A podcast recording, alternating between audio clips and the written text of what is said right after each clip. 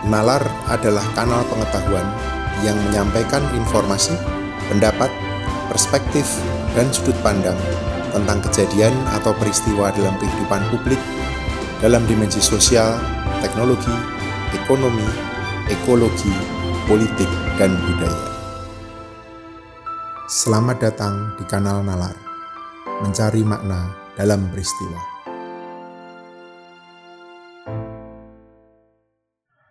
Saudara-saudara, sejarah dan dinamika kebangsaan di Republik ini tidak pernah bisa dilepaskan dari peran kaum muda. Sejak zaman kolonial, pergerakan nasional, kemerdekaan, pasca kemerdekaan, dan kalau kita ingat reformasi, bahkan sampai hari ini. Peran kaum muda selalu ada. Bahkan kalau kita refleksikan, kira-kira 10-15 tahun terakhir ini, banyak mata tertuju kepada kaum muda. Mereka ini kerap disebut milenial, bahkan sekarang sudah muncul generasi yang lebih baru, yaitu Gen Z. Banyak harapan yang disematkan pada pundak mereka. Banyak rencana-rencana, gagasan-gagasan besar. Bahkan di negeri ini, di Indonesia, bonus demografi yang diperkirakan atau direncanakan bisa dicapai puncaknya tahun 2035, tahun 2040 nanti, amat mengandalkan pada kontribusi anak-anak muda. Bahkan, mimpi atau visi Indonesia 2045 sebenarnya amat tergantung pada peran anak-anak muda. Mereka yang saat ini berusia 20, 30 hingga 40 tahun adalah mereka yang punya masa depan Indonesia tahun 2045 nanti. Mereka yang akan menentukan baik buruknya, hitam putihnya, maju mundurnya negeri ini ke depan. Tapi sebenarnya bagaimana anak muda itu melihat Indonesia di masa depan itu? Bagaimana mereka secara khusus melihat pemerintah, pemerintahan, sektor publik? Bagaimana mereka melihat politik? Banyak yang mengatakan bahwa anak muda pasti melek A, melek B, melek C, melek ekonomi, melek politik. Sekarang kita ingin melihat bagaimana sebenarnya anak-anak muda ini memahami dinamika zaman, memahami dinamika Indonesia saat ini. Hari ini Nalar menghadirkan Siska Hutagalung. Siska ini dulu staf saya waktu saya masih menjadi deputi di kantor staf presiden Siska dulunya seorang profesional di bidang hukum yang kemudian memutuskan bergabung di kantor staf presiden. Tentu saja Siska hadir bukan karena perintah saya sebagai mantan deputinya, tetapi karena memang saya ingin ngobrol dengan Siska. Saya melihat Siska ini sebagai pribadi yang cukup unik. Karena itu, pada episode kali ini, kita akan berbincang-bincang dengan Siska. Siska, selamat pagi. Terima kasih Sis, uh, dalam tugas ke Jogja mau mampir ke sini. Gimana kabarmu? Pak Yanuar, selamat pagi. Ini saya sebenarnya sedang melaksanakan satu prinsip ya. Apa itu? Sowan namanya. Jadi saya belajar dari Pak Yanuar sebenarnya. Jadi kemarin sowan ke Pak Yanuar, eh ternyata dijebak di YouTube malah gitu ya. Sangat tiap tiap episode itu pasti saya tonton. Jadi ah, terima kasih. Jadi saya sangat senang sekali Pak diajak untuk berbincang-bincang santai di Nalar bersama teman-teman Nalar di sini. Thank you Pak. Terima ya. kasih, terima kasih, terima kasih. Sis, uh, pagi ini saya tuh mau ngajak kamu ngobrol-ngobrol. Tentu kita sudah kenal cukup lama ya kan. Sejak dulu saya mengenal kamu di KSP dulu. Tapi pagi ini saya pengen uh, ngobrol lebih jauh mengenai pandanganmu sebenarnya sebagai anak muda. Tentu tidak bisa saya anggap mewakili semua anak muda Indonesia, tetapi setidaknya sebagai profesional muda yang disebut dengan milenial gitu, uh, saya ingin menggali lebih jauh sebenarnya pandanganmu tentang pemerintahan, tentang sektor publik, hmm. tentang bahkan tentang politik gitu. Tapi sebelum ke sana. Kalau orang bicara soal milenial, yang kamu pikirin apa sih, Sis? Kamu kan anak milenial ya. Tapi kamu sendiri kalau benar kata milenial gitu ya, generasi milenial gitu, hmm. yang kamu pikirkan apa? Pak Yanuar, thank you. Ini terima kasih loh masih disebut milenial gitu. Loh iya dong, kamu milenial kan? Betul, saya Kamu lahir tahun berapa? Lahir saya milenial, saya 89. Eh, milenial dong? Masih, masih. Yeah. Kalau kata statistik kan saya masuk milenial. Milenial, ya. Milenial kalau nggak salah 81 sampai 96. 97. 97, betul. Yang 97 ke atas, which sekarang sudah mendominasi ya. Yeah. Kalau nggak salah data statistik BPS 27% kira-kira. Jadi kita udah kalah sebenarnya milenial gitu. Saya senang kamu menyebut angka-angka ini karena berarti kamu mengerjakan tugasmu sebagai eh, orang saya KSP. Saya oleh Pak Yanuar kok sejak 2015 harus terlatih dengan angka dan data. statistik. Oke. Oke, okay, anyway. Oke, okay, kalau apa apa sih yang diingat kalau kata hmm. dengar kata milenial? Ya kalau kita berangkat dari data, angka dan statistik ya tentunya soal umur gitu. Hmm. Cuma ada perspektif lain ya itu bukan hanya soal umur gitu, tapi soal cara pandang misalnya gitu. Jadi ada oh, beberapa perspektif okay. gitu. Tapi okay, ya kalau saya sih cenderung melihatnya dari ya kata data aja gitu, Pak. Milenial ya hmm. ya berarti which is ya segeng-geng saya lah, seumuran saya gitu. Hmm, hmm. Ya itu ya seperti Pak Yanwar tadi di pembukaan ngomong, ya kita sekarang anak-anak yang lahir 81 sampai 96, 96 dan seterusnya adik-adik saya sekarang lagi mendominasi nih Pak ya. Lagi mendominasi. Yes secara demografi ya. Hah. Tapi secara dampak ya kita nggak tahu. Tapi harapannya yang mendominasi ini harus memberikan dampak yang mendominasi juga. Hmm. Kalau kamu sering mendengar orang bicara apa-apa serba milenial ya, hmm. mulai dari hmm. ASN milenial, hmm. uh, pengusaha milenial gitu, entrepreneur milenial gitu. Hmm. Kamu sendiri rasanya gimana sih?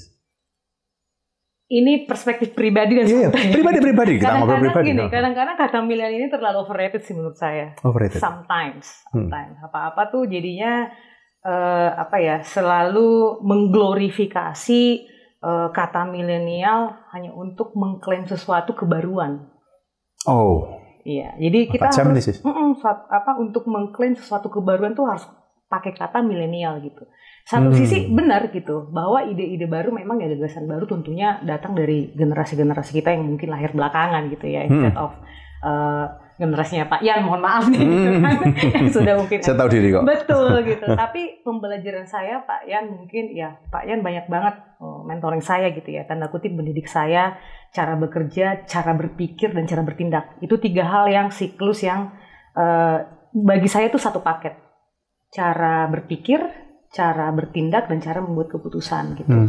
Which is itu harus satu paket dengan kolaborasi dari milenial dan uh, generasi boomers atau X gitu. Jadi itu satu kesatuan yeah. yang hmm. menurut saya nggak bisa terpisah. Ini menurut saya pribadi gitu. Hmm. Ini saya juga ngomong kayak gini dari pengalaman saya selama hmm. bekerja bersama Pak Yanwar, which is dari 2015 Pak yeah, sampai mungkin sekarang saya masih ada di sektor dan uh, institusi yang sama.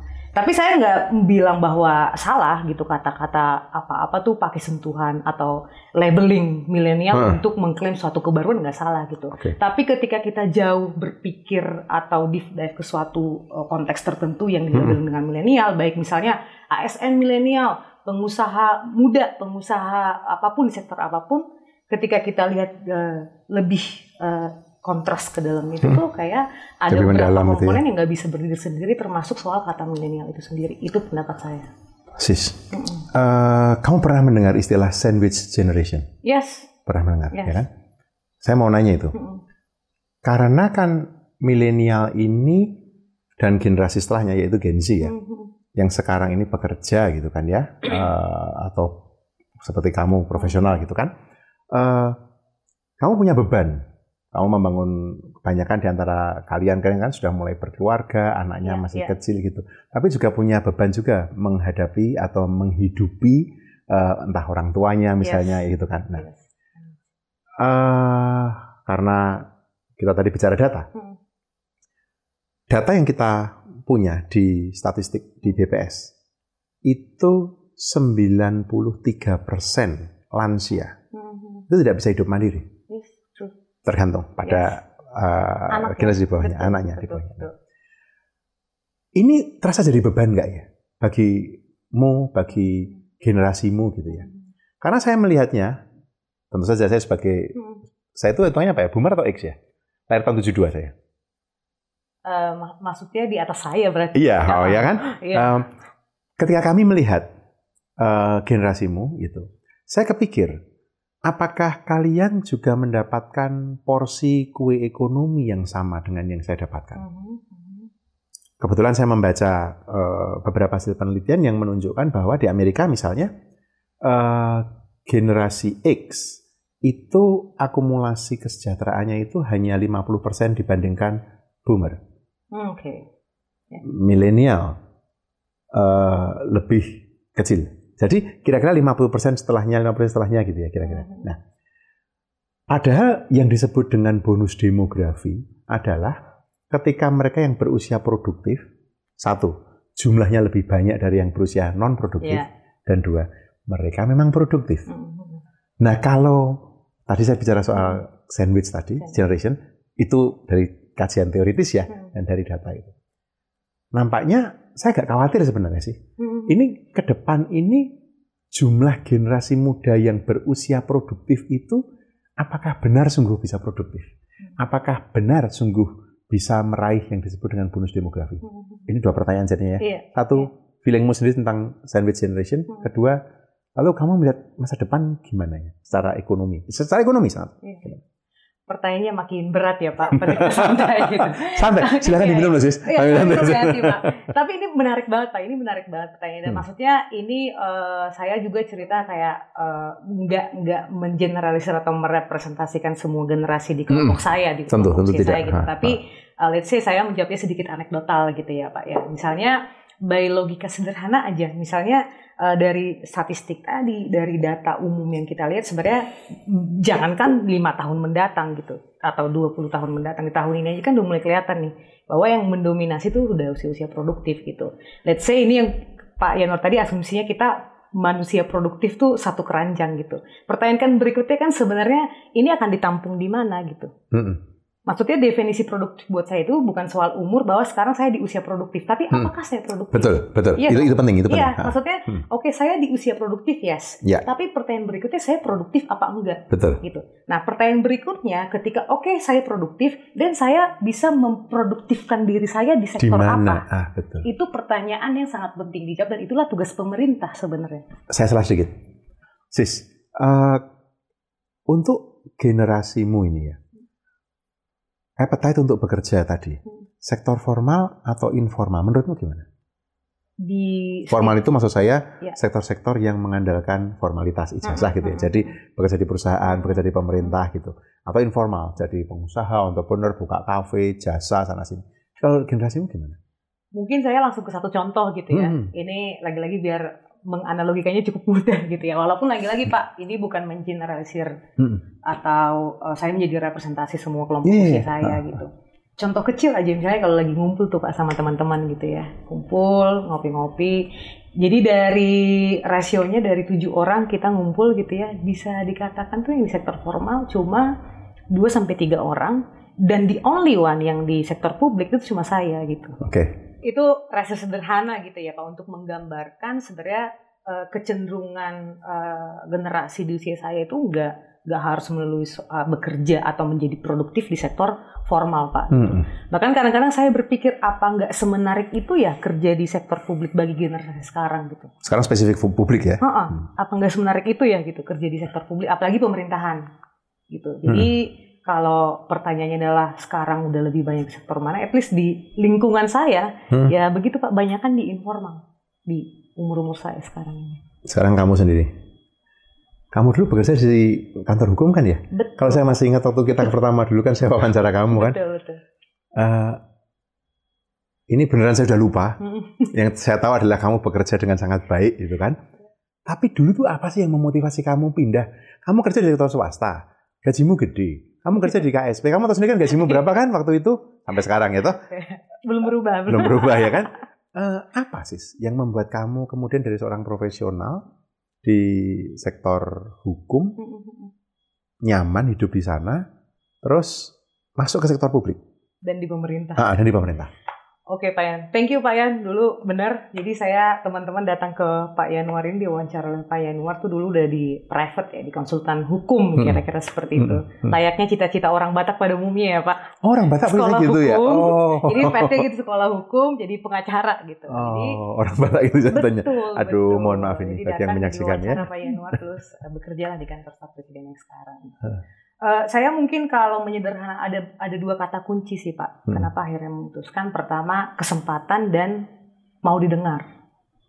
Yang menurut saya tahun-tahun itu kan 2015 kalau nggak salah ya. Usia saya masih 23 atau belum nyampe ya. 24 gitu ya. Ya, kamu staff saya yang di bawah 25. Betul. Itu itu uh, apa uh, kata kunci ada kesempatan, hmm. ada mau didengar dan diajak berkolaborasi. Hmm. Jadi menurut saya itu dulu hal yang langka ya Pak. Saya nggak tahu apakah sekarang masih hal yang langka apa enggak, tapi saya jadi melihat ketika amunisi tiga amunisi ini diberikan oleh uh, yang mempunyai ekosistem dalam hal ini pemerintah kepada orang-orang muda bisa aja sebenarnya gitu. Hmm. Jadi dulu tentunya secara sederhananya saya dikasih kesempatan hmm. untuk uh, mencoba mengeksplor di uh, kantor yang sekarang, which is melalui Pak Yanuar saat itu dan Chief of Staffnya saat itu di di jilid pertama gitu ya. Hmm. Terus yang kedua ternyata nggak se apa ya model kolaborasi di kantor yang sekarang itu Eh, nggak sekaku yang saya bayangkan, Pak. Hmm. Dulu saya melihat kementerian, pemerintahan itu sesuatu yang kaku gitu birokrasi. Benar. Gitu. Datanya, sis, uh, anak-anak muda kaum milenial hmm. itu tidak terlalu berminat bekerja sektor pemerintahan. Hmm. Maka saya nanya ke kamu tadi hmm. kan, dan uh, kalau memang di kantor staf presiden itu sifatnya lebih profesional gitu ya, yeah. uh, non PNS ya. Uh, kamu pasti punya teman-teman kan yang di PNS itu. Betul. betul. Nah, Artinya ASN itu kan PNS sama P3K hmm. ya kan kita tahu. Kalau mereka gimana menurutmu? Hmm, oke okay, oke okay, Pak, ini menarik sekali. Tapi ini uh, apa? Izinkan saya memberikan sedikit uh, bukan kesimpulan sih semacam pembelajaran ya Pak. Hmm apa yang kemudian menjadi pembeda di kan ini bisa sebut merek berarti ya Boleh. apa yang menjadi pembeda di kantor staf presiden yang which is dulu saya akhirnya memutuskan untuk masuk sampai Hah? sekarang dengan mungkin ini bisa jadi mungkin ya hmm. uh, teman-teman di uh, pelayan publik yang lain di kementerian lain gitu. hmm. gitu. ada satu kata kunci yang selalu saya ingat which is ini pembelajaran dari Pak Yanwar it's all about ego dan ego yang hmm. saya lihat di kantor staf presiden itu kita membangun uh, ekosistem Hmm. Gitu. Di ekosistem ini terdiri dari uh, mayoritas anak muda yang kerjanya itu nggak ada leveling ataupun beda dari jabatan eselon 3 ke 2 ke 1 which is uh, itu dibangun oleh semua deputi termasuk chief of staffnya saat itu termasuk itu Pak Yanuar gitu. Nah yang kemudian saya ketika membandingkan gitu ya Pak, membandingkan ketika misalnya uh, berkolaborasi atau bermitra dengan hmm. teman-teman yang uh, lain di uh, kementerian hmm. lain mungkin yang lebih kental itu tuh bukan ekonya hmm. tapi egonya makanya uh, banyak uh, apa ya makanya kita nggak nggak nggak nggak apa ya nggak jarang mendengar kata ego sektoral ya benar gitu nah which is ego sektoral ini yang saya temukan sangat minim di uh, kantor yang uh, sekarang hmm. ya menurut saya itu terjadi karena ada diciptakan suatu ekosistem yang agile gitu Oke, okay, oke. Okay, itu, okay. itu pembedanya. That's why sampai sekarang tuh kayak karena uh, eko ini dan budaya kerja ini masih bertahan sampai sekarang. That's why buat saya ini suatu privilege sebenarnya Pak.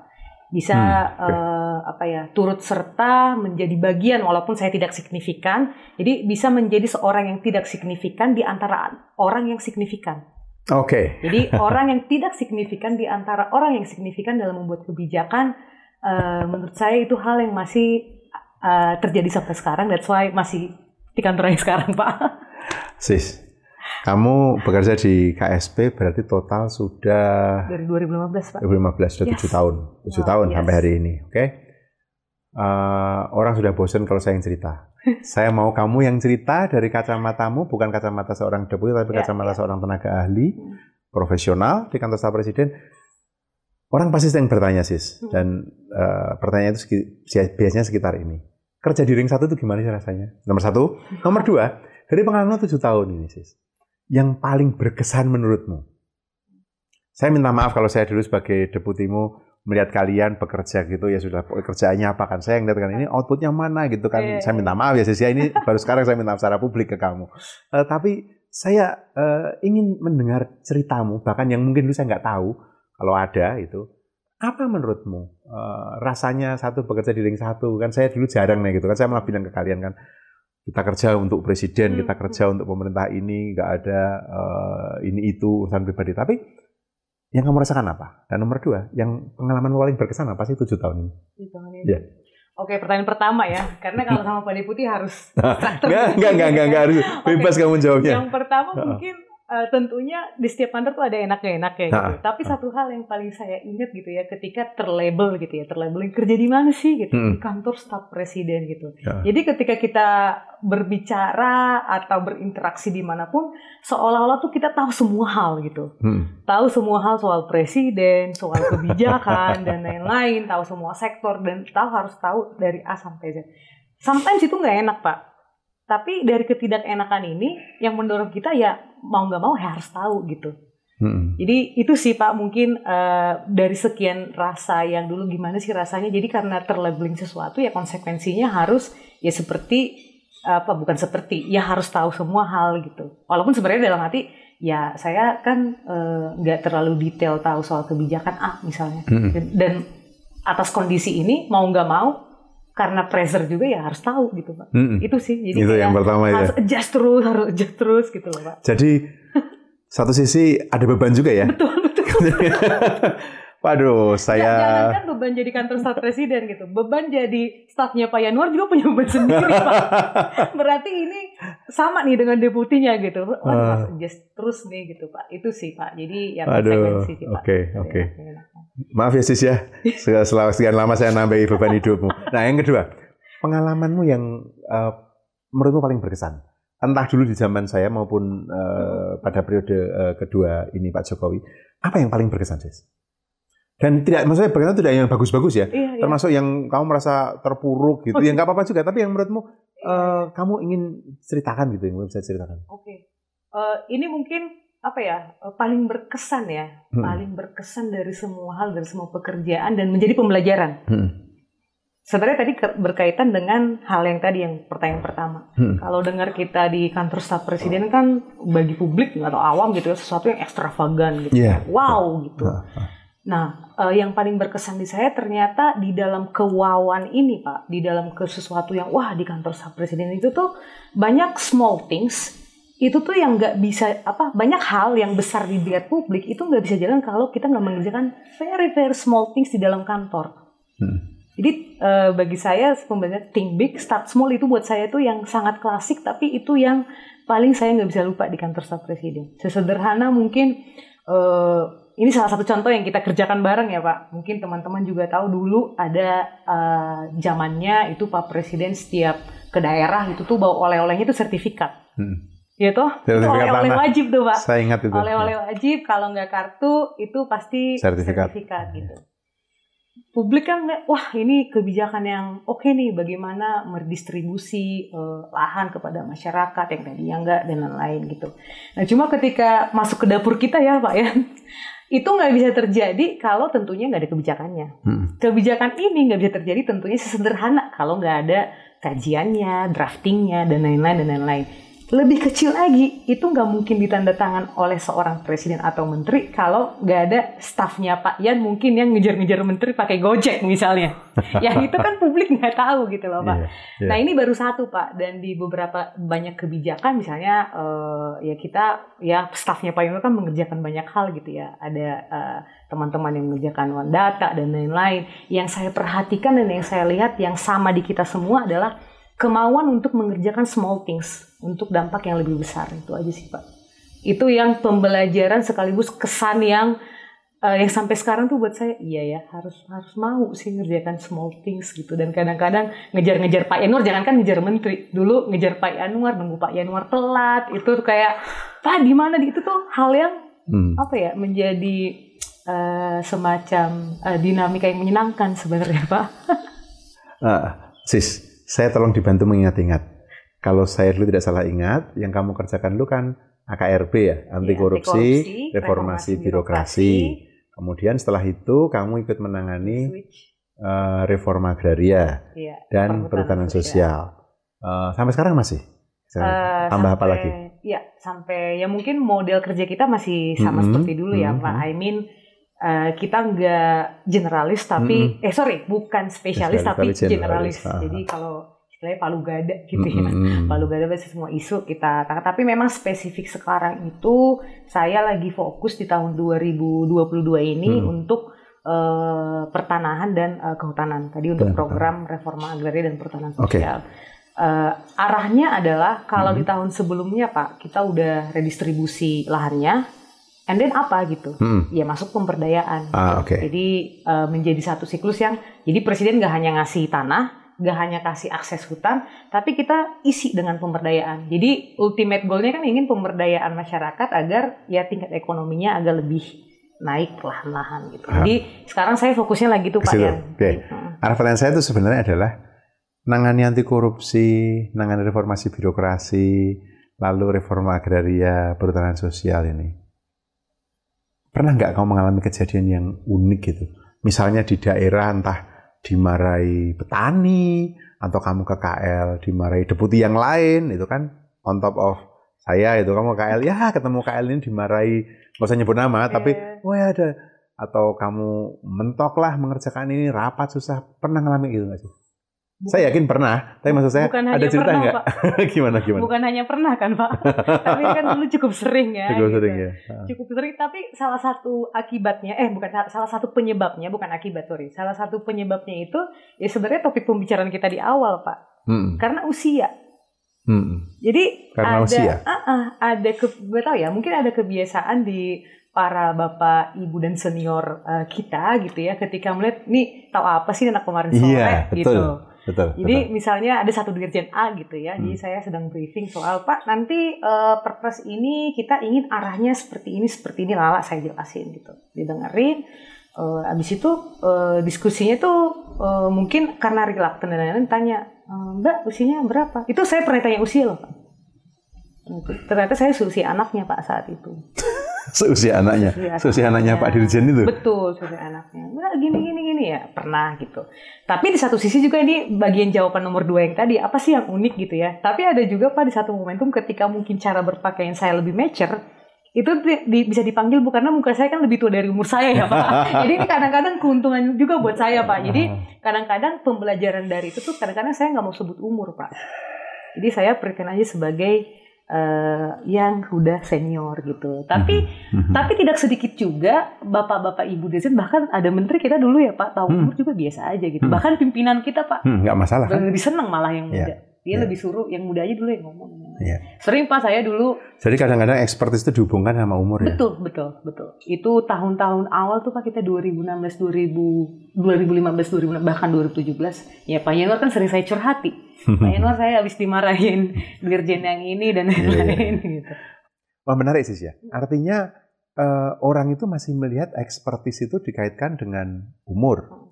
Tapi kan saya juga melihat ya, sih, ada menteri-menteri kita atau pimpinan-pimpinan kita juga yang uh, sebenarnya nggak terlalu peduli kan. Ada. Presiden sendiri punya staf khusus milenial, ya. ya kan. Betul. Kemudian uh, banyak sekarang staf khusus menteri yang Betul. yang muda, bahkan ada menteri yang milenial. Eh dari pengalamanmu tadi sih, yang katanya pernah dimarahi tadi, apa yang paling unik sih? Yang pernah mereka kamu yang paling tinggi siapa sih? Sampai ingat sampai sekarang. Iya, ya. Nah ini kebalikannya pak justru ini bukan karena beliau melihat umur, Hah? justru karena beliau pengen anak Sup muda yang bicara, hmm? Hmm? terus saya bicara, tapi memang tergiu substansi ya, which is buat saya fine gitu. Hmm. Itu tuh ada satu Menko gitu. Menko. Menko. Jadi Kemarin kamu. Uh, dulu ingat kan Pak, ini nih sekalian curcol ya uh, teman-teman. Jadi suatu ketika itu ada rakor, itu tingkat menteri dan yang ngelit itu tuh Pak Menko. Dulu Pak Yanuar ada di London kalau nggak salah di Manchester kalau nggak salah. Saya sedang ada tugas di luar. Betul. Ya. Pak Yanur ada di Manchester, terus Deputi 5 saat itu lagi tugas di luar, Pak Deputi 1 di mana, Pak Kepala Staf nggak bisa. Which is saat itu tuh nggak ada pimpinan yang bisa, karena emang rapatnya dadakan gitu. Singkat cerita dan lain-lain diskusi dengan staf Pak Menko, ya udah sih nggak apa-apa, orang bapak kan biasa dengar yang muda dan maksudnya kamu juga udah pernah kerja sama Pak Bapak, bapak, Pak berikut gitu. Nah, terus kayak oke okay, gitu. Datang tuh pak saya. Semua tuh ada lima menteri pak Menko bupati-bupati dan lain hal akhirnya pas giliran dari KSP ya udah saya menyampaikan apa temuan lapangan. Hmm. kan nature kerja kita seperti itu ya yeah, Pak? Lap, Menteri lapor apa ke Pak Presiden? Pak Presiden uh, kalau itu penugasannya ke kita kita cek ke lapangan, cek lapangan. jadi nggak ada satu, satu data tunggal datang ya, Presiden harus ada komparasi. Hmm. dan komparasinya datang dari kita yang turun ke lapangan. Hmm. dan data komparasi kan selalu nggak enak selalu nggak sama nih. Yeah. beda nih suara kita dengan KL gitu. Yeah, yeah. di antara semua peserta yang beda hanya saya Pak Menteri udah aman pak, aman pak, siap siap. Terus saya tiba anak kecil datang dengan temuan di lapangan yang beda dari semua laporan, ya tentunya saya ini common enemy di ruangan gitu. Dan semua menteri? Menteri, staf khusus, bupati dan semua itu tinggi. Dari cerita saya ini kan sebenarnya bisa kelihatan uh, apa nature kerja kita dulu gitu ya, Pak, bahwa emang selalu jadi komparasi data ke yang sampai ke presiden bahkan chief of staff gitu. Dan ketika berbeda jadi nggak enak berbeda ya? jadi musuh kan pak. Mm -mm. Jadi emang ya kerja kita yang dimusuhin orang okay. gitu. Jadi dimusuhin orang. Tapi yang kita sampaikan itu adalah data-data yang objektif. Objektif. Gitu. Data yang kalian dapatkan dari lapangan. Betul. Jadi review tuh pak saat itu review ada status dan lain-lain. Ya udah mungkin karena saya di only one. Di saya satu-satunya tuh pak. Jadi saya nggak bawa temen dari KSP sendirian itu saya di, di situ adanya bupati, yes, menteri, staf khusus dan menko yes. dan kamu. Betul. Saya kamu nggak akan lupa ini. Kena marah, mm -hmm. kena marah karena dianggap uh, temuan lapangan saya agak sedikit perlu uh, apa pre, agak prematur gitu ya. Bukan prematur maksudnya kok bisanya beda sendiri gitu. Hmm. Di antara menterinya udah oke, okay, bahkan bupati, polres dan saat itu tuh lapor udah oke okay, gitu. Udah uh, orang pertama yang saya telepon saat itu tuh yang ada tugas lagi di Manchester gitu. Saya nangis. saya ingat ya. saya nangis, Pak. Ini seperti ini seperti ini. Ya udah uh, minggu depannya deputi saya saat itu which is Pak Yanuar pulang akhirnya kita menghadap lagi ke mm Menko-nya untuk menjelaskan kondisi sebenarnya which is yang bikin saya senang apa temuan saya itu ternyata valid dan benar. Ya. Itu tuh saya merasa mungkin prosesnya memang seperti itu, Pak. Hmm. saya yakin kamu gak akan lupa ini. Saya lupa itu. Gak akan lupa seumur hidup. Pasti gak akan lupa seperti itu. Saya pucet sampai kadang saya insecure. Apakah saya masih layak di uh, apa ya untuk review soal uh, kebijakan publik di Nahel gitu. Gitu. Saya nggak bisa lupa tuh Pak. terima kasih, terima kasih sis. Dan saya minta maaf ya, ketika dibutuhkan satu saya sedang ada tugas yang lain. Ya. Nah, sis, sekarang agak luas sedikit. Tadi kita bicara anak muda, uh, pemerintahan gitu ya, dan uh, ceritamu sendiri sebagai profesional yang kemudian dari sektor swasta ya kan, privat, pindah ke sektor publik. Kalau tentang politik hmm. secara umum, menurutmu, saya tidak bertanya uh, politiknya gimana gitu yeah, enggak. Yeah. Yang saya tanya adalah menurutmu apakah ruang demokrasi dan ruang politik kita saat ini itu mengakomodasi anak muda? Kalau dilihat secara umum Pak, by hmm. numbers gitu ya, by hmm. numbers misalnya teman-teman yang dalam konteks keterlibatan, hmm. ini belum konteks apakah berdampak apa enggak itu urusan kedua gitu, tapi dalam konteks numbers keterlibatan, menurut gue cukup akomodatif Pak. Okay. Setidaknya untuk usia saya sekarang, jangankan di pusat Pak, di beberapa daerah itu sekarang yang menduduki eh, kursi-kursi legislatif dan menurut saya cukup produktif semua itu seusia saya setahun di bawah saya, dua tahun di atas saya, bahkan semua tuh bukan semua uh, di bawah 40 tahun, hmm. gitu. Which is uh, uh, keterlibatan ini hmm. uh, menurut saya menjadi indikator ya uh, atau sebuah indikasi bahwa memang ruang perpolitikan itu sekarang ya udah diisi anak-anak muda. muda pak dan itu buat saya sinyal yang bagus hmm gitu ya hmm. Kamu uh, melihat ke depan juga optimis ya ruang-ruang politik dan ruang demokrasi kita memberi ruang ke anak muda karena seperti kalau kita lihat sekarang ini misalnya ya uh, partai-partai misalnya hmm. kecuali memang partainya anak muda ya hmm. kan tapi partai-partai gitu kan uh, parpol itu masih dikuasai hmm. atau masih banyak hmm. generasi yang belum generasi muda. Bahkan juga lembaga masyarakat uh, sipil, hmm. jadi organisasi masyarakat iya. sipil yeah. Yang juga uh, saya melihat milenial sini mungkin saya salah hmm. karena saya tanya pada kamu lebih banyak geraknya atau aktivitasnya atau berkecimpungnya itu di sektor-sektor privat tadi. Yeah, baik, baik, baik yang kamu tadi bilang yeah, baik yeah. formal maupun informal, yeah. tapi sektor privat yeah. ya. Um, menurutmu gimana? Kamu masih melihatnya optimis ke depan? Masih banyak yang mau terlibat? Saya, memang kita lihat ya ada anggota DPR milenial. Iya, iya. Ada saya Tapi tahu. itu porsinya berapa? Nah, itu itu itu itu, itu, itu pertanyaan saya ke kamu. Iya. Uh, betul uh, Pak Yan kayak tadi kan sebenarnya saya ngasih contoh bahwa ada juga sih teman-teman yang gitu. Cuma kan mereka berapa orang gitu. Hmm. Jadi Uh, kalau dalam konteks optimisme bahwa ke depan sektor politik ini atau pemerintah ataupun uh, sektor publik membuka ruang, iya gitu. Tapi kan pertanyaan keduanya, ada yang ngisi nggak? Generasi oh. saya kan gitu. Satu, ruangnya dibuka enggak? Betul. Kalau optimisme Kedua, ruang dibuka ini saya ada. optimis. Baik dari pemerintah Betul. maupun partai politik Betul. maupun masyarakat Betul. sipil Betul. Tapi ada yang mau ngisi nggak? Itu ada yang mau ngisi. Pertanyaannya itu sebenarnya. Menurutmu? Uh, yang tadi kalau analogi cerita yang saya bilang rasio dari tujuh orang, cuma terus dua. cuma saya saja yang di pemerintah dan yang lainnya pengusaha gitu tuh kayak ya itu menjadi tantangan dan justru harus kita jawab gitu loh pak. Dan kita saya nggak tahu nanti apakah ini tugas pemerintah dia menurut saya nggak hanya tugas pemerintah untuk bagaimana teman-teman di luar sana ya mau untuk mengisi ruang yang sebenarnya sudah disiapkan pemerintah. Gitu. Yang bukan hanya pemerintah, ruang yang mungkin disiapkan semua sektor ini. Gitu. Hmm. Gitu. Yang dicari itu apa sih? Yang yang, yang kalian kejar itu apa sih? Di yang kalian cari? Ya mungkin tergantung orangnya juga ya pak ya. Iya. Tapi, Tapi ya secara umum teman-teman. Uh, kalau tadi kamu ngopi bertujuh tadi loh, rata-rata ngomong apa sih yang dicari itu apa? Duit? Kalau tentunya di teman-teman saya yang di sektor informal gitu ya, ya, hmm. ya soal buat cuan gitu loh. Cuan ya. Cuan. Oke. Okay. Ya tentunya ya lah itu itu itu sangat hmm. standar gitu. Tapi mayoritas teman-teman saya itu tuh udah soal menikmati waktu. Mungkin hmm. karena hidupnya udah cukup kali pak ya, gitu. Jadi, nah itu dia pertanyaan uh, saya. Uh, uh. Jadi benarkah cukup atau rasa waktu. cukup atau gimana ya? Cukup, nah itu benar pak atau rasa cukup gitu. Karena mungkin udah nggak mengejar uh, apa ya definisi kekayaan zaman dulu mungkin ya pak ya. gitu ya kan kalau dulu kan kayak itu kan lu punya aset di mana-mana gitu ya. Tapi kan kalian tetap butuh bekerja, butuh cuan tadi kan. Tapi mayoritas jawaban teman-teman jadi memang bahkan makanya kecenderungannya pak, kecenderungannya itu gini, karena kalau di sektor formal eh, mayoritas waktu kantor yang ngatur waktu kita gitu loh pak. Hmm. Jadi karena kecenderungannya ingin menikmati waktu, memanfaatkan waktu sesuai dengan kita yang eh, manage waktu. Jadi ya kan kecenderungannya jadi sektor informal. Mencari pekerjaan yang fleksibilitas waktunya itu lebih uh, pas dan fit buat hmm. uh, buat buat buat kita gitu kira-kira. Kalau dari perspektif teman-teman saya yang di sektornya berbeda dengan saya gitu. Kalau kamu yang di sektor publik beda Betul, lagi. Beda lagi gitu loh, Pak. Jadi saya ulangi ya. Jadi drive cuan tetap. Iya.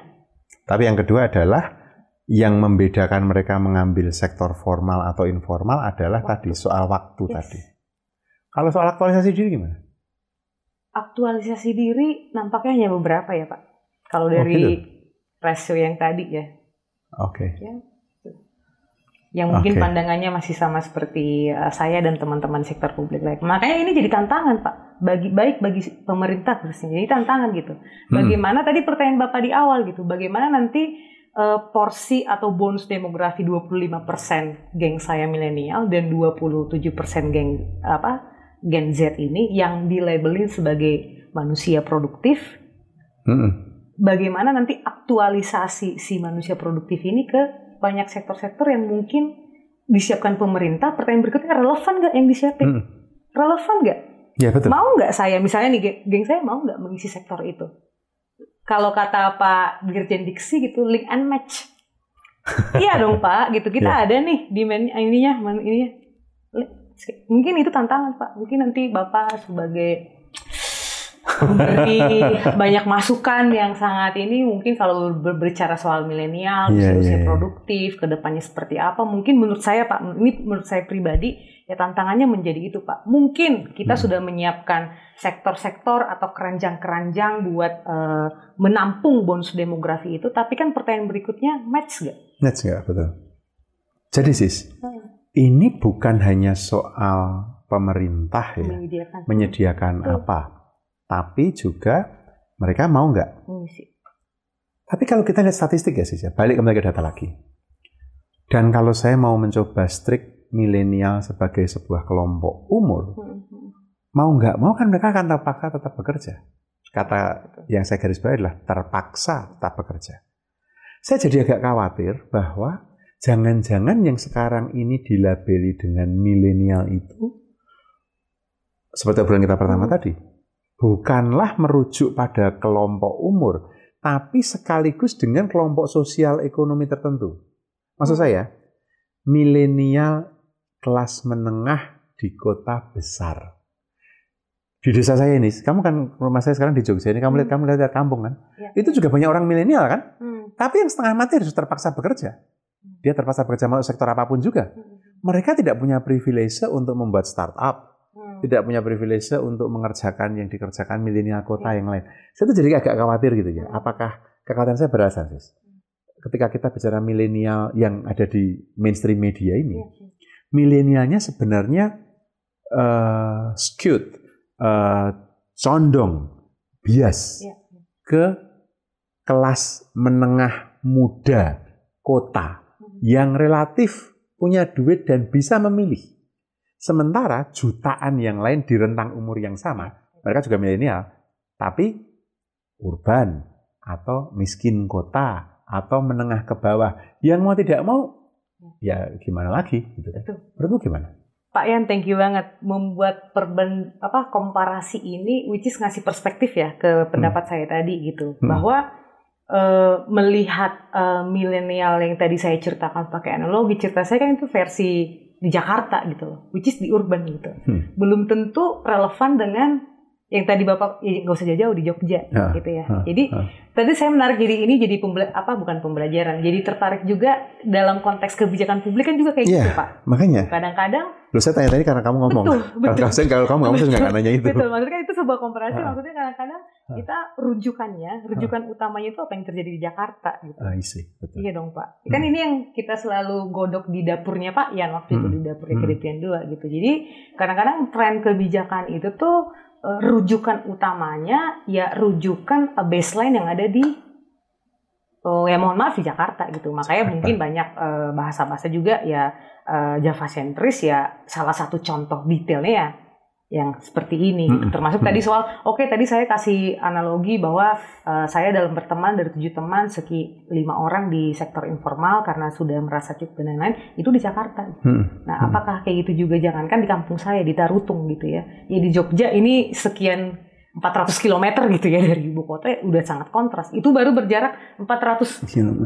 kilometer loh Pak. Hmm. Gimana saya di kampung saya di uh, Tarutung tentu gak ada yang tahu juga di sini Tarutung di mana gitu ya Pak. Ada. Pinggiran Danau Toba gitu. Tapi itu jadi refleksi saya juga Pak. Maksudnya uh, uh, apa ya? Jangankan kita ngomong soal milenial di semua sektor kebijakan yang kita godok bareng Pak. Uh, dulu dulu uh, trennya kan memang seperti itu. Kalau Bapak ingat dulu kita bareng-bareng ya saya dulu Mas Bimo gitu ya, hmm. ya, Mas Bram, Yusuf sama Rachel di bawah komandonya Pak Yan.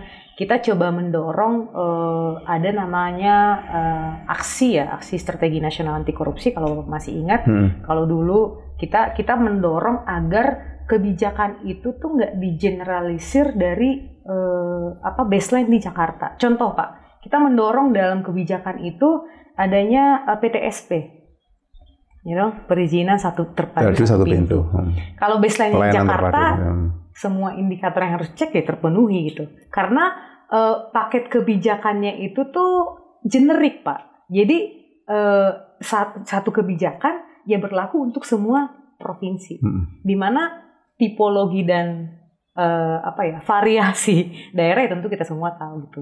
Terus bapak kan tugaskan kita tuh untuk pergi ke Maluku Utara, Halmahera dan lain-lain. Terus ke beberapa daerah di luar uh, Jawa. Jangankan untuk membuat uh, apa ya sistemnya gitu Pak, jaringan internet aja belum ada gitu. Hmm. Makanya kan uh, dulu kita dorong uh, bersama-sama Pak yang juga di sini bagaimana membuat aksi ini tuh uh, relevan dan proven sesuai dengan konteks daerah dan kapasitas daerah. Mm-hmm. Nah, ini kapasitas kan kata kunci Pak. Dulu Bapak nulis soal kapasitas negara gitu. Mm-hmm. Dan dulu kan kita lihat lebih mikro lagi kapasitas mm-hmm. daerah. Jadi bagaimana kita mere- meregulasi sesuatu tuh baseline-nya bukan baseline yang ideal yang bisa kita lakukan di Jakarta, tapi, tapi bagaimana meregulasi hal yang bisa mampu dilakukan hmm. di daerah itu kapasitas daerahnya seperti apa. Gitu sih Pak. Walaupun memang PR-nya masih sampai sekarang Pak ya. Hmm. Jadi memang eh, nggak uh, selesai-selesai dan ini yang terus setelah Bapak meninggalkan KSP, kami di KSP masih terus dilanjutkan oleh Yusuf di Kedeputian 5 gitu. Terima Itu kasih. salah satu contoh ya Terima dari kasih. sekian reform yang ingin kita dorong bahwa uh, membuat kebijakan yang enggak hmm, tapi memang karena nature kebijakan kita juga sih Pak, semua generik toh. Hmm. Hmm. Satu untuk fit for all oh, daerah yeah. gitu. Ya, yeah, one size fits all ya kan. Uh, sis, ini membuat saya kepikiran ya mengenai strategi demografi. Mm-hmm. Seingat saya, saya mau nanya ke kamu ini, karena kamu masih di pemerintahan kan. Seingat saya sampai dengan akhir periode pertama Pak Jokowi, hmm. kita itu belum punya semacam strategi nasional demografi. demografi. Yang kita omongin tadi, yang kamu omongkan tadi, ini kan uh, sesuatu yang jauh lebih dari soal rencana awal kita ngobrol-ngobrol soal milenial. Ya, ini kita sudah ngomong mendalam oh, yes. ini mengenai soal strategi demografi. Dengan uh, demografi penduduk seperti ini, dengan mimpi Indonesia 2045, apa iya strategi demografi kita kemudian uh, memadai? Mm-hmm. Kalau belum, saya nitip uh, karena kamu masih ada di pemerintahan. Tapi yang saya mau nanya adalah kaitannya adalah ketika kamu mendengar Indonesia 2045, mm. ya kan? Saya tadi bilang yang kan punya kan kalian, kamu sis. Uh, tahun 2045 nanti kamu sedang pas matang-matangnya mm. uh, jadi apa pun nanti. Mm. Saya nggak tahu kamu mau jadi apa. Nanti saya mau tanya itu. Tapi sebelum ke situ, iya, iya. Gimana kamu memandang visi Indonesia 2045 ini? Oke, mungkin ini perspektif dari kamu aku kamu sendiri. Yang mungkin karena nggak apa-apa. Sedikit banyak melihat proses ya. gitu ya. Mungkin kalau hmm. teman-teman yang melihat di mungkin beda gitu. Tapi bagi saya dari pengalaman melihat proses tahapan-tahapan yang dilakukan oleh pemerintah, hmm. kok saya nampaknya optimis ya, Pak. Hmm itu maksudnya dari sektor-sektor yang dikerjakan oleh teman-teman uh, di beberapa kemenku dan kementerian terkait gitu ya mungkin uh, bapak juga banyak melihat lah gitu walaupun memang belum ideal pak hmm. belum ideal tapi kalau nampaknya saya dari proses-proses yang saya ikuti di dalam itu dengan segala dinamikanya cukup uh, optimis sih pak melihat 2045 tapi hmm, pertanyaan saya adalah hmm. apakah gagasan anak muda, keinginan anak muda, uh, visi atau bayangan anak muda itu terakomodir di sana. Nah, ini itu pertanyaan saya. Betul. Ha. Ini pertanyaan menarik nih Pak. Tadi mungkin saya nggak tahu apakah tadi uh, sempat uh, kerekam apa enggak. Uh, per permasalahannya saya sederhanakan ya Pak. Hmm. Saya sederhanakan menjadi menyediakan itu satu hal. Hmm. Dan pemerintah bekerja untuk itu, hmm. menyediakan gitu ya, hmm. menyediakan tahun kita ke tahun 2030 menyediakan kita ke tahun kita di provide dan pemerintah bekerja untuk itu. Permasalahan berikutnya adalah mau nggak? Mau nggak? Itu loh pak. Kayak tadi. Kayak pertanyaan pertanyaanmu tadi ya? Iya kayak kita tadi masalah uh, kita ke satu yang lebih konkret mungkin kata uh, lapangan kerja. Oke pemerintah dong ini lebih ke lapangan kerja. Apakah pemerintah Masalahnya mau nggak?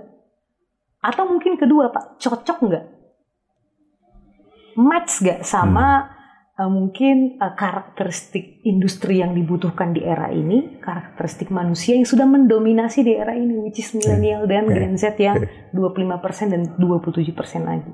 Jadi mungkin uh, saya dalam konteks kalau bicara soal ini, maksudnya ketika ditanya apakah apa yang dikerjakan di pemerintah, which is proses yang saya lihat, yes gitu.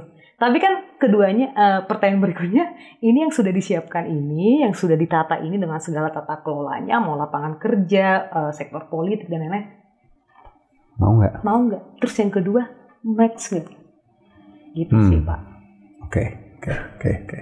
Saya bertanya ini karena narasi mengenai Indonesia 2045 kan kebetulan dulu uh, kita pernah ikut ya, ikut merumuskan di awal sebelum itu di, diluncurkan Uh, kemudian setelah saya tidak di pemerintah lagi, hmm. saya berefleksi ini, mencoba memikirkan, apakah narasi 2045 itu narasinya uh, menjadi tertutup atau terbatas gitu. Hmm. Maksud saya, yang diomongkan adalah nega, menjadi negara maju, ekonomi nomor 4, nomor 5 dunia, itu kan. Uh, gambaran ini tidak buruk, tentu saja, dan saya setuju pada kamu. Ini memang negara berusaha sekuat tenaga untuk membantu merumuskan visi itu. Pertanyaannya adalah anak muda itu nyambung nggak ya dengan visi ini gitu ya? Hmm. Itu loh pertanyaan saya. Kalau makanya tentu saja nggak usah ambil sampel yang lain-lain. Kalau kamu sendiri sebagai anak muda, hmm. kamu melihat 2045 visi pemerintah untuk Indonesia negara maju itu, kamu merasa dirimu ada di sana nggak? Bagian dari visi itu.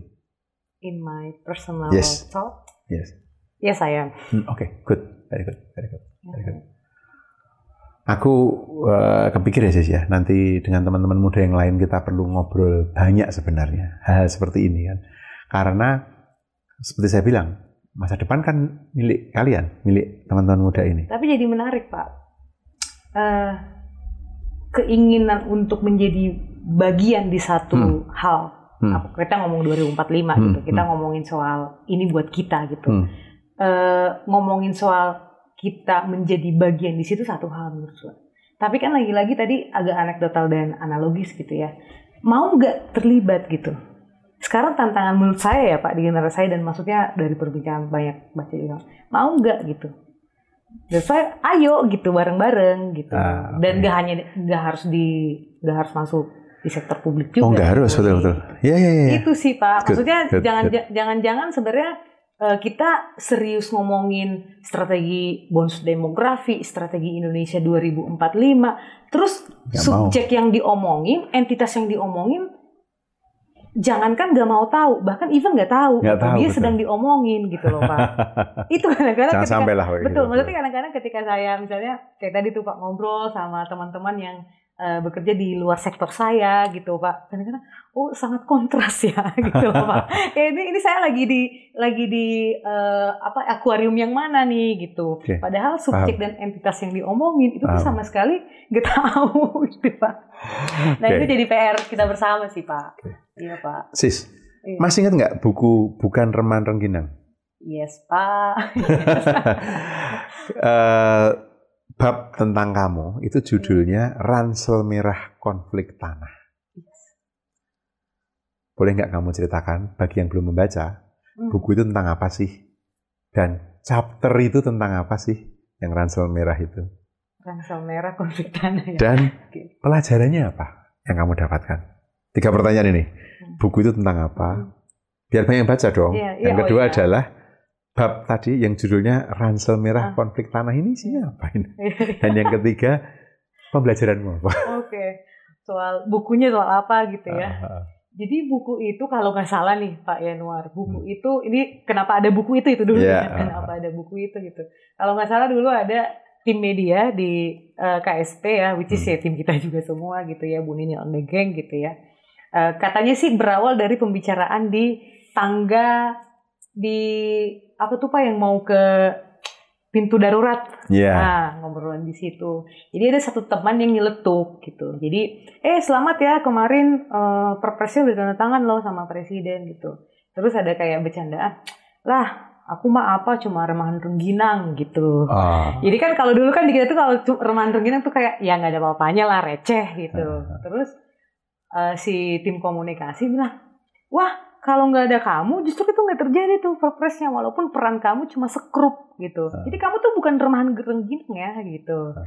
jadi ternyata kan sebenarnya kisah seperti ini maksudnya eh, kisah-kisah reform yang tidak kelihatan ini lagi-lagi tidak emang tidak kelihatan ini itu tuh kan hampir ada di setiap uh, uh, tenaga profesional yang ada di KSP gitu jadi mereka pick up tuh semua cerita-cerita yang uh, kita selalu merasa remahan rengginang. Ternyata bukan, bukan remahan rengginang, rengginang. Jadi tanpa kalian ya nggak nggak ada uh, walaupun uh, tidak signifikan tapi berpengaruh signifikan gitu. jadi uh, buku remahan rengginang ini menceritakan kisah-kisah uh, anak muda. Memang anak muda saat itu tuh yang umur 35 tahun ke bawah.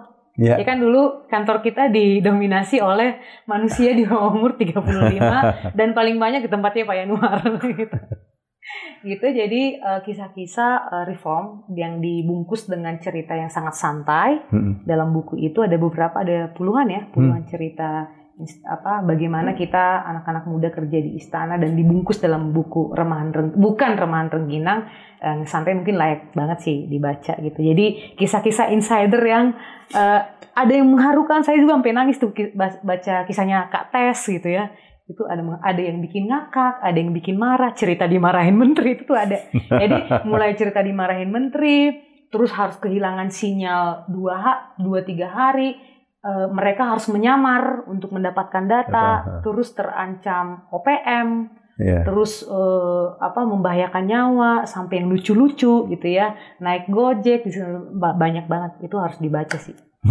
Jadi kisah-kisah di balik layar yang oh gini ya proses apa di apa ya uh, satu sisi pembuatan kebijakan publik tuh ada sisi-sisi lain ini gitu loh Pak. Itu ada di buku yeah. Remahan Rengginang. Nah, kalau bagian saya kebetulan dari semua kisah yang saya setor, tim komunikasi ini melihat kok ini yang paling menarik. Kamu nyetor berapa kisah waktu itu? ada beberapa kisah dari AKRB itu cukup ada beberapa ya yang menurut saya itu tapi yang dipilih yang satu yang dipilih ini. yang ini yang judulnya tadi Jadi, apa judulnya tadi ransel merah, merah konflik, konflik tanah konflik nah, tanah eh konflik konflik tanah jadi uh, si uh, ransel merah ini karena dulu ransel saya warna merah pak masih ada nggak itu? Masih ada saya simpan. Tuh merahmu itu. Ya, jadi konflik tanah ini memang diangkat uh, karena memang ini salah satu uh, apa ya penugasan atau kerja yang kita lakukan di KSP, toh Pak. Sekalian laporan nih ke Pak Deputi sampai tahun ini Pak, uh, Bapak Presiden melalui KSP ataupun setnek atau setkap yang kita kelola di dashboard konflik uh, pertanahan kita hmm. itu sudah menerima 1.210 aduan yang masuk ke presiden dan kita kelola. Hmm gitu. Jadi uh, itu sebagai laporan juga ke teman-teman sekalian. Jadi dulu hmm. uh, kisah yang diangkat di situ adalah bagaimana kita uh, anak-anak uh, muda, ucis anak-anak yang paling itu mendorong suatu kebijakan untuk mengakselerasi penyelesaian ini, hmm. termasuk mengakselerasi pemberian sertifikat ke masyarakat yang tadi kita ceritakan sertifikat-sertifikat yang di, yang dibagikan oleh presiden. Jadi beberapa hmm. komponen diatur dalam Perpres ini. Lalu uh, saya ceritakan kisah uniknya gitu. Jadi saya di expo apa ini cerita uniknya? Akhirnya apa? Saya bilang, jadi uh, 2018 24 September itu tuh hari tani Pak ya. Ya. 24 September tuh setiap tahun tuh hari tani. 2018. Yes, nah 2018 peringatan Hari Tani itu tuh dilaksanakan di Bandung karena ada kolaborasi dengan Global Land Forum. Saya di sana. Yes, Pak Yanuar saat itu kita tuan rumah yeah. Indonesia dari semuanya tuan rumah. Jadi ada keinginan ini tuh hadiah buat para petani. Uh-uh. Jadi si re, Perpres Reforma Agraria ini hadiah buat para petani, uh-uh. which is uh, penyusunannya ya Pak Enwar lihat kita proses penyusunannya sangat panjang dan sana sini. Gitu Kamu sama ya. sekarang masih sering kayak gitu? Sampai jam setengah dua pagi rapat nyusun perpres. Betul Pak, dengan sektor yang berbeda. Untung sudah terlatih ya? Betul, sudah terlatih oleh Pak Yanwar. Udah jadi untuk ngejar waktu ini jadi mm-hmm. perpresnya ada, momentumnya ada, semua ada. Uh, saya harus di timeline kerja itu tuh harus ngejar beberapa menteri untuk ngebrief. Ini udah final dan siap ditandatangan. Nah masalahnya ada prosedur administrasi sebelum ke, ke Pak Presiden kan harus tanda tangan menteri Pak. Nah menteri mau tanda tangan kan kalau dijelasin dulu nih Pak. Hmm. Ini untuk apa dan lain-lain. Saya ingat sekali Bu Siti Nurbaya itu mau kunjungan kerja ke Aceh kalau enggak ke Sumut itu dua hari sebelum tanggal 24 September. Nah, ibu pulang kapan? Nampaknya eh, empat hari apa lima hari. Ajudannya ngomong seperti itu, Pak. Wah, kalau saya tunggu pulang ini kelewatan di tanggal 24. Udah matang nih, Pak, perpresnya gitu. Cuma lagi-lagi, Pak, kadang-kadang ada yang matang, tapi karena masalah small things dan administrative things, itu bisa mendelay mm beberapa kebijakan gitu, Pak. Udah, jadi waktu itu tuh belum belum COVID ya, iya. Kayak belum COVID dari, lah. dari dari Binagraha ke Manggalawana Bakti, saya lihat di map kalau saya pakai mobil kantor itu tuh bisa sampai satu jam karena macet di Sudirman. Gimana caranya biar hmm. ini ya, biar cepat gitu. Udah tuh Pak, saya uh, naik Gojek, naik Gojek itu dari Winagraha, ini juga drama si Gojeknya salah jalan dia ke setnek saya nunggu di belakang itu banyak drama sih Pak. Akhirnya sampai di Manggalawana Bakti itu tuh saya udah udah nggak jelas nih pak bentuknya. Bayangin aja naik gojek 30 menit di macet. Sudirman udah nggak jelas bentuknya. Ini gimana caranya? Ya udah. Untung ada parfum pak. Jadi saya nggak malu-maluin lah ketemu Bu Siti Nurbaya. Dengan kucel seperti itu gitu. Yeah. Iya. nyampe udah briefing. Saya sebenarnya nggak pede tuh pak karena udah bau asap gitu. Aduh gimana nih cara ngebrief Bu Siti dengan bau asap kayak gini gitu. Udah briefing segala macam. Udah di situ ke tempatnya Pak Sofian Jalil jadi cerita yang ingin diangkat. Oh iya, habis itu proses proses di menteri belum lega nih pak. Menteri selesai belum lega. Kita masih nunggu presiden mau tanda tangan gak ya sebelum tanggal 24 gitu. Yeah. Kita jagain, jagain, jagain dan dengan koordinasi dengan Bu Deputi saat itu Bu Lydia. Udah 20 apa tanda tangan Pak di Bu Lydia info di grup Alhamdulillah Pak Presiden udah tanda tangan gitu. Itu di suara di Bandung tuh Pak Yan juga jadi saksi tuh menggelegar di uh, Istana Merdeka eh apa? Anu Gedung Merdeka. Gedung Merdeka. tempat Merdeka, Asia Afrika dulu. Itu menggelegar di muka Pak Presiden sudah tanda, tangan tuh semua tuh kayak ya ya. Terus saya pulang naik kereta tuh Pak. -hmm. Terus seperti biasa ya oh ya yang bawa berkas untuk saya briefing Pak Bu Siti dan uh, menteri berikutnya itu tuh pakai ransel merah ini Pak Jadi menurut oh, teman-teman komunikasi, ya? ransel merah ini tuh tempat draft perpres dan materi ini tuh saya bawa ke mana-mana terus itu harapan banyak petani gitu oh. Ini agak-agak sentimental gitu sih Pak. Oke nggak apa-apa dituliskan aja gitu. Jadi ransel merah ini tuh jadi Eh, di ransel merah ini ada sebuah dokumen. Dokumen hmm. ini yang kemudian ditandatangani oleh Pak Presiden yang menjadi baseline buat kementerian untuk mempercepat konflik-konflik tanah konflik, itu. Konflik tanah di seluruh Indonesia ini. Ah, gitu Pak itu ceritanya, ceritanya Pak. Bagi kamu sendiri pembelajarannya apa? Pembelajarannya balik lagi ke yang tadi Pak. Di cerita kita di awal, ini juga pembelajaran saya di KSP. Reform-reform besar itu di belakangnya itu tuh terjadi karena small things Pak. Hmm. Ketika kita lewat dari small things kayak tadi administrative things gitu bisa jadi ya karena saya malas mungkin atau kita nggak mau ngejar menteri bisa jadi itu nanti tantangannya tak kapan gitu itu saat terus pengerjaan small itu pembelajaran yang sebenarnya di setiap hal nggak hanya di agraria ya di anti korupsi reformasi birokrasi dan sektor yang saya kerjakan sekarang small things itu matters, matters. oke okay. gitu. dan okay. ini juga kalau kita naikkan sedikit grade-nya ya walaupun mungkin anak muda kecil itu matters di Betul di ekosistem pemerintah. Betul. Gitu. Sama halnya small things itu matter, anak, anak muda, muda itu matter. Itu matter. Banget, Setuju. Yes. Setuju. Setuju. Gitu, Pak. Terakhir, Sis. Kamu pengen jadi apa sih ke depan? Rencanamu gimana? Dari ini kan ini kan gini gini gini gini gini gini. Loh, saya, saya 2024 uh, periode kedua selesai ya uh, Pak Jokowi. Hmm. Mudah-mudahan uh, kemudian berjalan dengan baik, kemudian ada uh, pemerintahan berikutnya begitu ya. Pemerintah jalan terus, sis. Ya, ya. Hidup jalan terus. Kamu gimana rencanamu? Pengen tetap di sektor publik atau pindah sektor swasta lagi atau jadi pengusaha atau entrepreneur atau siapa tahu pulang kampung ke Tarutung kamu jadi bupati misalnya siapa tahu kan? Ya, ya. Rencana apa?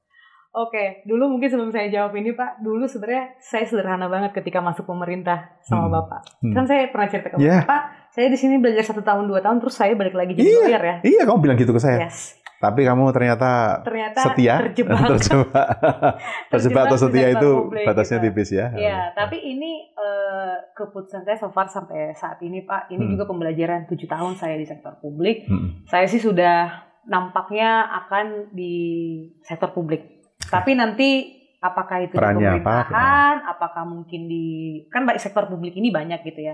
Nanti sektor publik itu artinya pemerintah itu artinya bisa KL. Yes bisa legislatif, yeah. sektor publik ya kan, yeah. bisa pemerintah daerah, Betul. bisa legislatif daerah gitu ya. Yeah. Oke. Okay. Tapi di sektor publik, Pak. Okay. Jadi saya tetap ingin stay di situ. Yes. Nanti di mana end up-nya saya akan lapor ke Pioneer seperti biasa. Karena kan sebelum saya memutuskan sesuatu konsultasi dulu nih yeah, biasanya yeah, gitu. Tapi mau stay di sektor publik? Yes, Pak, sektor publik. Kenapa nggak mau balik ke sektor swasta? Hmm, agak Kasihmu nggak ya? naik loh ya tujuh tahun? Yes, nggak naik loh pak. Ini bisa dicurhatin ke apa-apa. Ini nggak apa ya? Nggak, eh, karena kan karena kan bukan bukan PNS kan. Yes. Makanya mas saya dalam misalnya sektor publik, apa kamu benar-benar masuk ke sektor PNS-nya menjadi PNS hmm. atau tetap jadi tenaga profesional seperti ini gitu? Yeah. Tapi kenapa nggak ke swasta? Nggak balik ke privat? Hmm, mungkin apa ya kalau kata ya bukan kata-kata anak muda saya juga masih muda soalnya pak gitu. Saya so far uh, menemukan sesuatu yang bisa saya kerjakan dengan dua tangan saya itu termultiplikasi gitu pak di sektor ini gitu. Ya mungkin juga karena faktor saya sudah menginvestasikan banyak pembelajaran banyak pemikiran di uh, sektor ini gitu.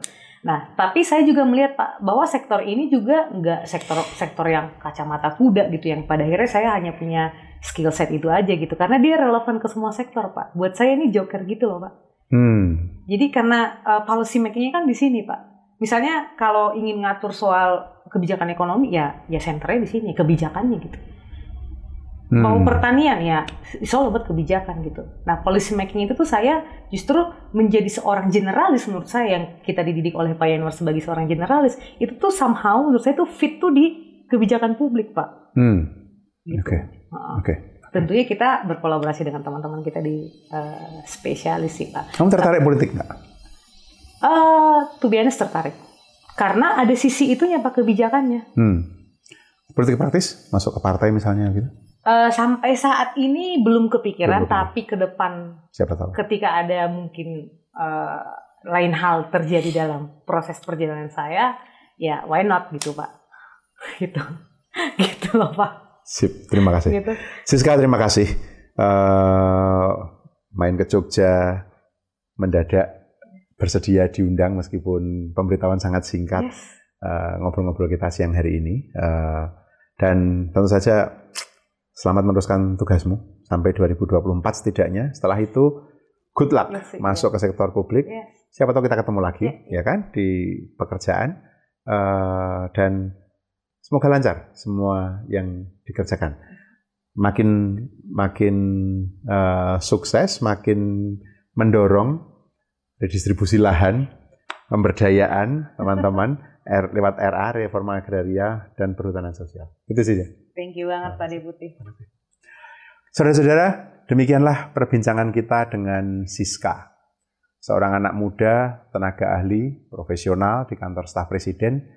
Kita sudah bicara banyak dengan Siska mengenai kegelisahan, sekaligus harapan, sekaligus optimisme generasi milenial ini terhadap masa depan Indonesia. Semoga apa yang kita perbincangkan dengan Siska siang hari ini memberikan gambaran, memberikan catatan, tentu tidak lengkap, tetapi sebagian catatan yang bisa kita refleksikan tentang peran anak muda di Republik ini. Karena masa depan Republik ini dan sebenarnya masa depan dunia adalah milik anak-anak muda. Terima kasih sudah mendengarkan podcast ini. Semoga kita bisa menemukan makna dan pemahaman yang lebih dalam bersama Natal.